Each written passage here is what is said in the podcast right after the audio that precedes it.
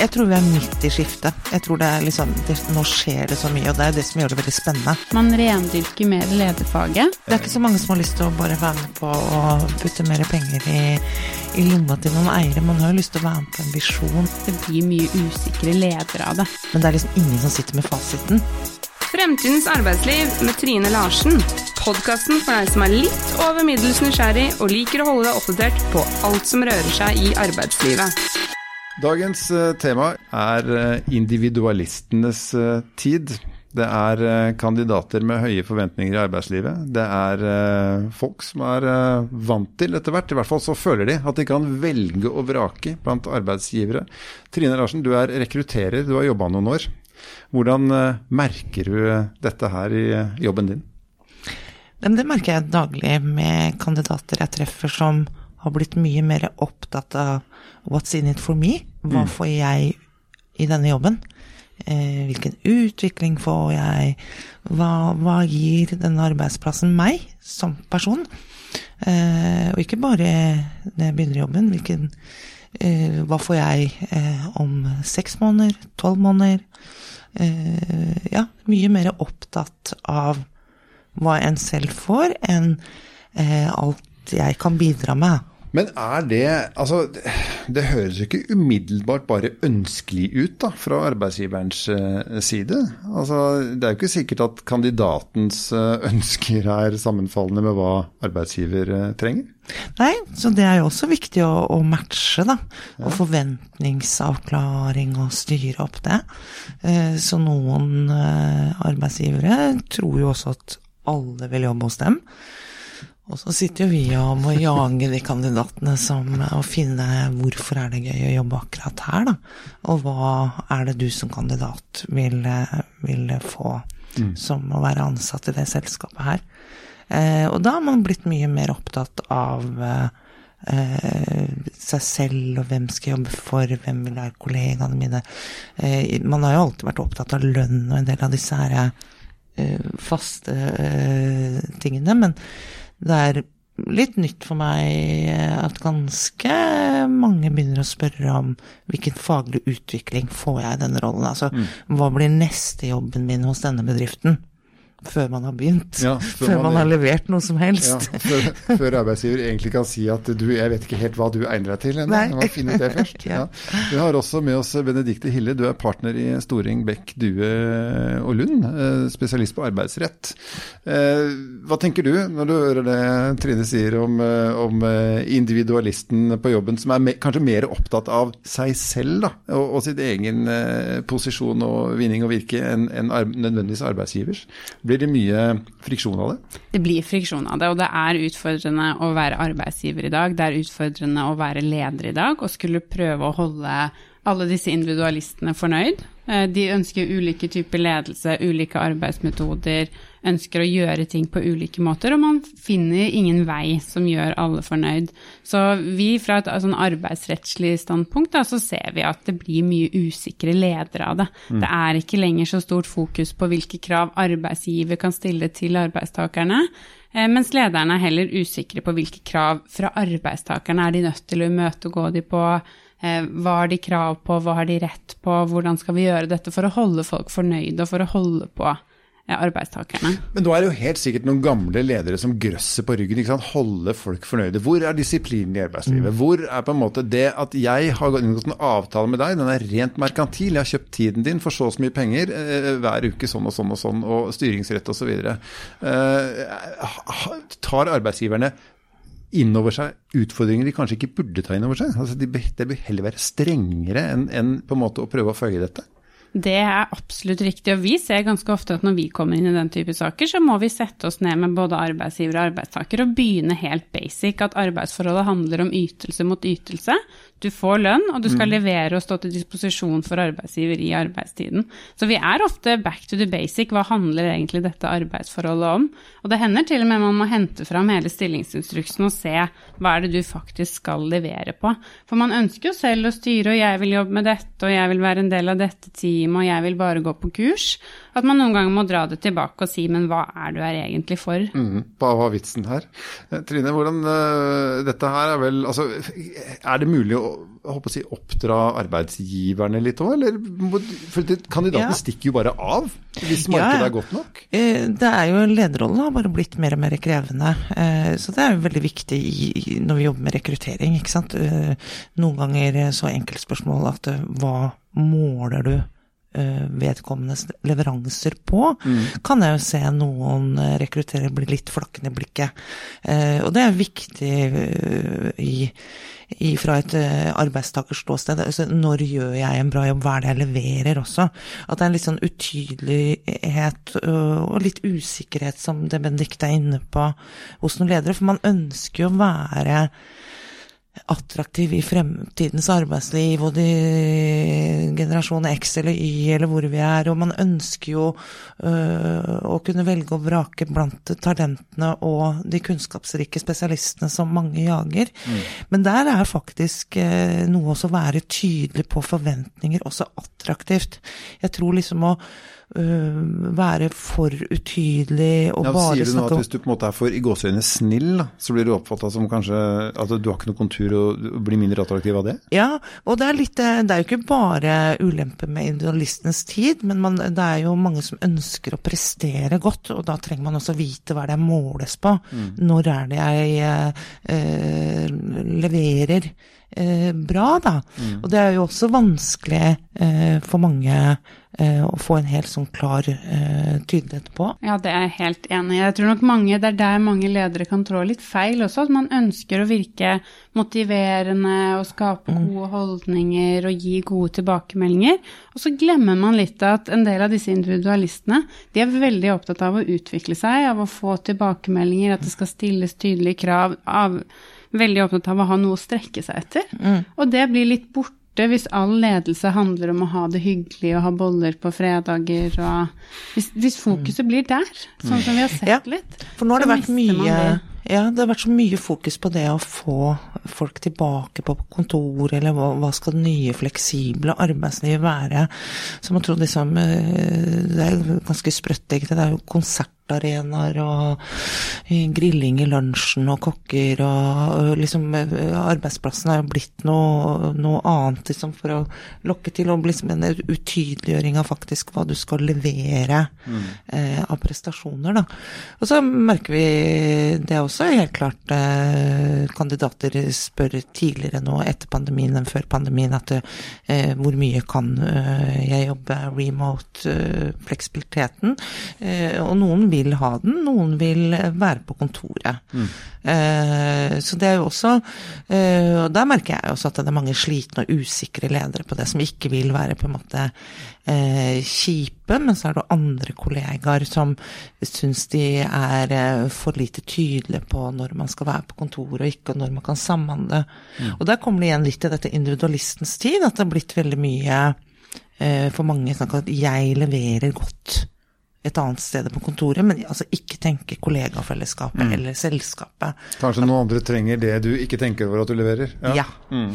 Uh, og det, der også kan det komme fra liksom misunnelse og sjalusi blant kollegaer også, at den får jobbe mer hjemme enn den, og den får mer fleksibilitet enn meg, og jeg trenger å være her, og jeg har ikke noe bra arbeidsmiljø hjemme, så jeg vil på kontor, eller mm. ja, og, så, så, øh, og, så, er det vel et nytt lovverk rundt det med hjemmekontor også, øh, som skal vi prøve å tydeliggjøre hvor ansvaret ligger også. Men, men, er det sånn at arbeidsgivere stort sett har lyst til å ha folk på kontoret? Eh, og så vil folk ha så mye frihet som uh, mulig, må gjerne være på kontoret, men det er noe jeg vil? Ja, eh, og det tror jeg også blir det kanskje litt sånn snakk om et større bilde også, at når er jeg på jobb? Mm. Man, man, gjør jo ofte også arbeidsoppgaver ja, For det viskes litt ut, den ja, grensen der? Veldig, fordi eh, flere og flere jobber liksom i tjenestesytende yrker. Da. Altså, man ikke står i produksjon, som det gamle arbeidslivet var i stor grad preget av. Så det er masse arbeidsplasser som fortsatt er det, men du kan egentlig utføre mye av jobben din fra andre steder enn eh, kontoret, da. Eh, og så blir det at eh, du gjør mye jobb utenom kontortid, og så gjør du mye privat i kontortid. Mm. Eh, så, så, det skillet viskes jo veldig ut. Så dette med å ha tydelige mål og når du leverer, at det, det er jo ikke lenger ensbetydende at du kom på jobb klokka åtte og går klokka fire, så har du gjort en god jobb. Mm. Det er jo hva du leverer til syvende og sist, og da må man være litt sånn tydelige forventninger på det, da. Men arbeidsgivere, da? Eh, altså I produksjon sant, så fokuserte man på at eh, altså, Jeg husker jo gamle Aker mekaniske verksted. Der ringte klokka klokka sju. Da skulle de ansatte være på jobb. Da ringte det. Fysisk en klokke, sånn som på skolen. Eh, og så gikk man hjem eh, på et tidspunkt. Nå er på en måte målingen en mer komplisert affære? Hvem leverer bra osv.? Ja, det som er det mest vanskelige, det er jo liksom Det var ganske greit når vi satt alle på hjemmekontor, eller alle er på kontoret. Mm. Men det som er vanskelig nå, som skaper mest friksjon, syns jeg kanskje, det er det hybride. Vi, er, vi, skal være litt hjemme, litt på kontoret. Hvem er hvor, når? Ja. ja. Men uh, jeg tenker, er dette et skifte? Altså, eh, vi, hovedtemaet her er individualistenes tid. Uh, det som ligger i bunn for hele problematikken vi tar opp nå, er jo det faktum at kandidatene har på en måte overtaket. Arbeidsgiverne som mangler folk. Og da kan kandidater strekke arbeidsgiverne sine lenger enn de kunne før. Det er mm. hovedproblematikken her. Men er vi i et skifte i arbeidslivet, hvor vi f.eks. sier at ja, nei da, om du bor i Kirkenes eller om du bor i Mandal, det er ikke så farlig, for du kan jobbe her. Jeg ser jo norske departementer har jo dette her nå i sine stillingsannonser. Mm. er vi i et skifte der vi på en måte desentraliserer arbeidsplassen i mye større grad, tror dere? Eller er det på en måte det vi ser nå, eh, en slags modus operandi, det sånn det kommer til å være framover? Nei, jeg tror vi er midt i skiftet. Jeg tror det er liksom det, Nå skjer det så mye, og det er jo det som gjør det veldig spennende. Mm. At vi kan være med å påvirke det. Men det er liksom ingen som sitter med fasiten. Eh, så vi driver og lager det nå, da. Og det er det Benedicte var litt inne på i stad også, at det, det, er så mange forskjellige ønsker og behov, og folk er i forskjellige faser i livet. Og, men jeg syns jo det her er utrolig spennende, at vi kan jo være med å skape det nye, bedre arbeidslivet. Mm. Uh, og hvor er arbeidsplassen? Når er du egentlig på jobb?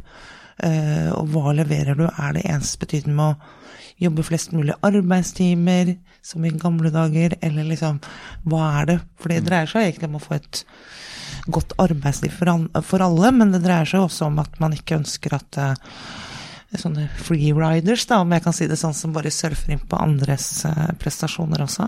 Ja, for det, det, må jo være altså Én ting er at, uh, at, individualisten har mer plass til å være akkurat individualist nå enn mm. før. altså I mindre grad trenger å forholde seg fordi at du kan på en måte diktere i større grad. Men det er jo ingen som har lyst til å være verdiløs. Det er ingen som har lyst til å ikke eh, ha en mening i livet sitt. Mm. Eh, og det er ingen som har lyst til å være en parasitt i et arbeidsliv. Altså mm. Man vil jo levere noe også. Jeg går ut fra at det liksom, er sånn grunnleggende ting i oss mennesker. Men hvordan tenker du som rekrutterer at du på en måte skal kunne gi dette til en arbeidsgiver, da, og sørge for at kandidaten på en måte kjenner dette langt inni seg og begynner å ville de riktige tingene?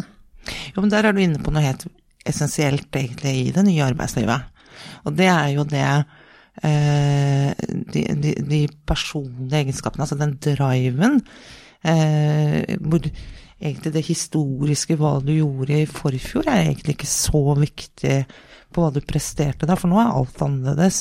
Nå er det har du lyst til å være med på den reisen, mm. dette selskapet Har lyst til å være en del av dette? Ja, mm. en del av dette laget, liksom. En del av uh, det vi skal få til sammen, da. Mm. Uh, og det, det gjør jo at kvalifikasjonskravene og motivasjonskravene blir annerledes, da.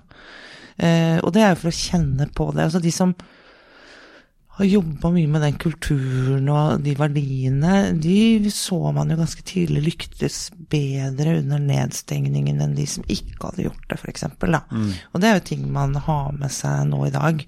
Eh, og det gjør noe med tilknytningsformen også. Uh, og så er det dette med selvledelse og uh, være med uh, og sette på en måte liksom spillereglene også i fellesskap, en arbeidsplass, da. Og der er lederrollen blitt så endra også at det, fra å være kontrolløren da, til å være den visjonær og så ansvar for den kulturen, at man vil jobbe for deg og sånn. Men det er jo gjerne de samme lederne da, som, eh, som er fortsatt uh, i lederstolen, som var der uh, før dette begynte å skje for alvor, mm. uh, og som nå må på en måte følge opp? Hva er den største utfordringen de har? Det er mange slitne ledere som har stått på i flere år, og endringer og nedstengninger, og mange som har vært innmari opptatt av å ta vare på individer, og da at det har vært så mange forskjellige behov og utfordringer. Ja, altså, det var helt andre lederutfordringer for de som hadde personal med småbarn, skolenedstengninger. Eh, og så var det kanskje andre lederutfordringer for eh, single, eh, aleneboende. Eh, det var helt forskjellig hva man trengte av støtte, og når man kunne utføre oppgaver. Og, mm. Eh, men så er det mye av den forskjelligheten som eh, kanskje har blitt dratt med videre inn, da. Og det tenker jeg jo er en veldig positiv ting, det at det har skjedd en del endringer. At vi ble litt løsrevet, egentlig, under pandemien fra gamle arbeidsmetoder, gamle måter å gjøre det på. Og så er utfordringen for ledere og arbeidsgivere fremover å klare å samle trådene litt igjen. Mm. Og gå gjennom og se på arbeidsprosesser. Hva er det vi skal levere på? Hva skal arbeidstakerne prestere og prioritere? Og hva er det å gå en runde til på sine verdier og sine mm. mål, og hvordan skal det prege arbeidshverdagen? Hva er det som er viktig her, liksom? For vi ser jo omstillingstempoet i arbeidslivet går raskere og raskere. Mm. Du er nødt til å ha medarbeidere som kan justere seg. En stillingsbeskrivelse er typisk utdatert etter et par måneder. Mm. Sånn at den aktive lederrollen, hvor du hele tiden må ta stilling til hva er neste steg, det er jo kjempeutfordrende. Og mm. det for arbeidsgivere og for selskaper å sette noen rammer rundt de beslutningene. Hva mm. skal vi lede etter, og hva skal de ansatte måles på? Da vil jeg hive et spørsmål til Trine. for Hvis du skal rekruttere en leder, da, det gjør du jo. Mm. Hva, hva, altså, hvilke, hva, har du måttet dra ut av hylla på en måte av ting som må være på plass da, som ikke var så viktig før? Hvordan merker du det? Altså, hva skal en leder ha? Nei, en leder eh, Det som er veldig typisk eh, i den nye lederrollen, det er jo å være mer den karismatiske lederen, altså den tilretteleggeren, som okay. ser også da individene, da. Eh, og så er det den lederen som evner å ta eh, de objektive beslutningene og jobbe faktabasert. Du må ha ganske gode kommunikative evner i dag som leder, både men det å snakke med folk Men det ser man jo så tydelig også. Bare se, jeg bruker jo ofte Tangen som et eksempel. Uh, se på PwC-sjefen, se på andre toppledere. Du snakker om uh, oljefondsjefen? Ja, ja. Mm. men de har jo aldri vært så synlige og kommunikative noen gang. Før så var de jo litt mer skumle, satt i et hjørne. Det er jo noe litt unorsk, da, når Petter Stordalen kom på vannskuter inn, inn, i møtet sitt, liksom. Altså, det er på en måte, er ikke, Vi er jo ikke vant til dette. Nei, nå var det kanskje litt, Petter Stordalen litt sånn ytre eksempel, da. Men, tok han. ja, ja, ja. Men, men, eh, det kreves så mye mer av lederne i dag. men er det du sier at det krever at de har en synlighet? En synlighet både innad i organisasjonen og klarer å kommunisere og forenkle komplekse budskap også. Mm. Og det er jo den derre omstillingstakten som Benedicte var innom, at det, uh, en arbeidsbeskrivelse i dag kan fort være utdatert om bare noen måneder, da. Mm. Uh, det, det, det endres så fort nå, hele verdensbildet er så endret. Uh, og det, det, gjør jo at hele forretningsgrunnlaget blir endret. Gamle uh, økonomiske teorier stemmer ikke lenger. Mm. Uh, det, og det gjør noe med lederrollen også, og da når man også da i tillegg har mange forskjellige medarbeiderbehov, da, som også en leder må se, og få med seg flokken sin til å dra i riktig felles vei, da. Men det høres også om at det du beskriver nå er også noe som er litt sånn unorsk i stilen. Altså vi eh, Jeg vet at det, det har blitt en klisjé å snakke om janteloven og sånn, men den eksisterer. Nordmenn har i mindre grad uh, liksom rom for å stå og prate seg opp og mm. skryte og være, som være litt på, da. Mm. Altså, den norske beskjedenheten, eh, i hvert fall den utapå, mm. den, den, krever vi på et vis òg. Hvis ikke så syns vi kanskje at noen blir for frampå, for cocky. Mm. For, for, altså, at det slår andre veien. da. Ja. Overslag. Ja, ikke sant. Ja, ja. Eh, det, det, må jo være en ganske vanskelig balansegang. og sikkert etter hvilket, Er du et konservativt miljø? Mm. Er du i et uh, progressivt miljø? Er du, ikke sant? Det, det, det aner meg at det ikke er det samme svaret overalt heller. Nei da, og det er det ikke. Og, og det snakket jeg nettopp med med noen andre om her om dagen, at det, det, er jo litt sånn forskjellige faser i en bedrift også. Hvor er du? ikke sant? Har du nettopp kommet til gründerfasen, eller er du i en forvaltningsfase, eller uh, hvilken fase er du i størrelsen på bedriften, som krever også forskjellige lederegenskaper for å lykkes også i en uh, usikker fremtid for, for, alle det endres så fort nå. Mm. Men det tror jeg liksom den, den omstillingstakten uh, er kjempeviktig eh, både for ledere og medarbeidere. Det endres hele tiden. Og det du er innom, viktig lederoppgave også, er hvilke kompetansebehov vil jeg tro at jeg trenger om tre til seks måneder. Mm. Eh, og ikke ligge hele tiden bakpå der.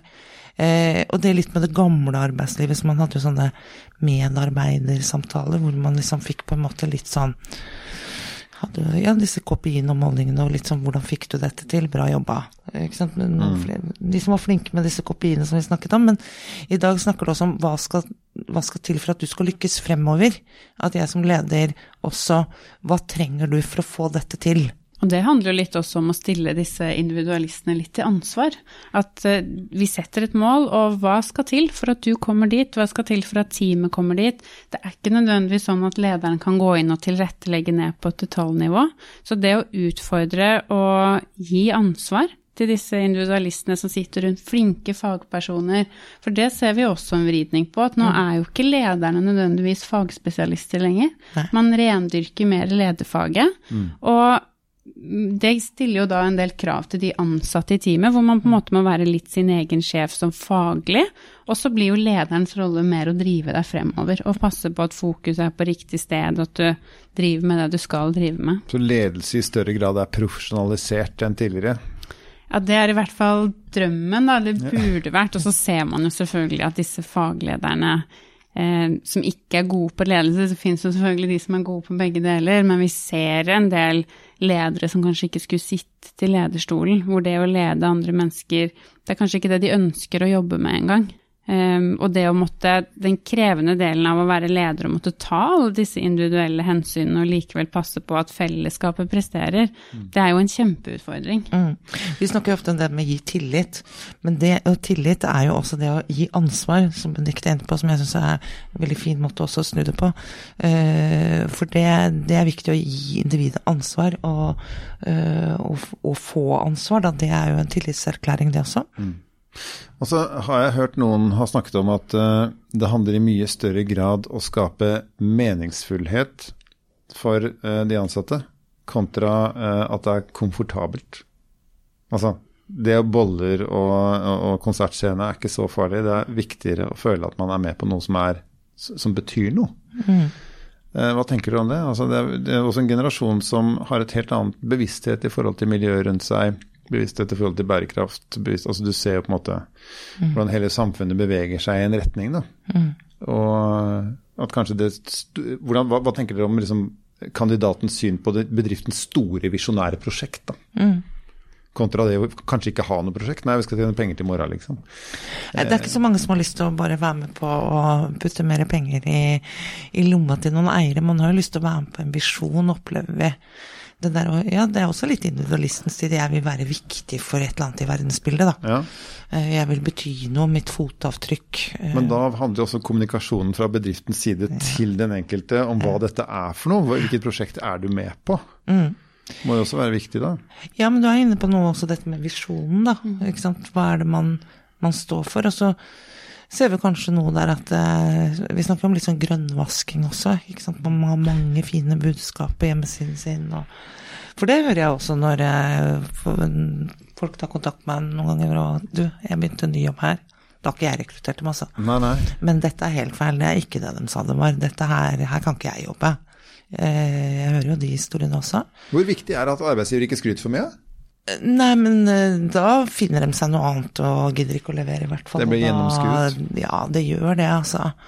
Eh, så det er både med liksom grønnvasking, eh, mangfoldvasking det, det, må stemme, liksom. Du kan ikke bare ha fine bilder Nei. på hjemmesiden. Work-life balance. Så vi snakker om kandidater som er bevisst forbi andre og tredje og fjerde lønnsslipp, liksom? Ja. De, de, fortsetter å kreve? Ja, ja. Mm. Men eh, bare litt sånn avslutningsvis, eh, Benedikte. Det, ikke, det har ikke skjedd så mye i den store røde boka, altså Norges lover. Eh, altså Vi snakker om en enorm endring i arbeidslivet. Ja. Vi snakker om liksom gå fra produksjonsbedriftene til, til eh, det arbeidslivet vi snakker om nå. Er det noe du ser sånn, som arbeidsrettsekspert, da, eh, som vi kanskje kan komme til å mangle sånn rent sånn lovmessig inn i fremtiden? Ja, det er det absolutt. For arbeidsmiljøloven er jo en litt en gammel fabrikklov. Og den passer veldig godt for en del produksjonsvirksomheter, men den passer ikke veldig godt til det fleksible, moderne arbeidsliv. Og dessverre så ser man jo at de endringene som skjer og som gjøres nå, som antageligvis vedtas denne høsten, de gjør arbeidslivet enda mindre fleksibelt. Og det er rett og slett av hensyn til enkelte svake arbeidstakergrupper som er mer utsatt på arbeidsmarkedet. Så vi har ingen god regulering for disse typisk tjenesteyterne som har mye fleksibilitet, stor påvirkning på egen hverdag, og som trenger å få rom av arbeidsgiverne sine og lederne sine. Der er arbeidsmiljøloven litt utdatert.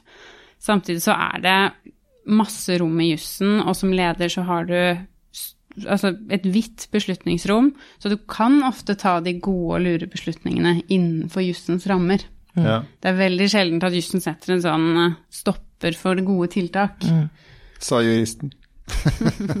Hva tenker du, Trine? Er det Nei, Det er godt vi har dyktige jurister som, som Benedicte, men, men eh, man skal jo prøve å slippe å måtte bruke juristen i arbeidslivet. Eh, og det er det vi ser, at det blir sånne nye konflikter, nye krav, nye eh, som, som vi ikke har sett før, da. Mm. Og det er jo det som gjør det spennende.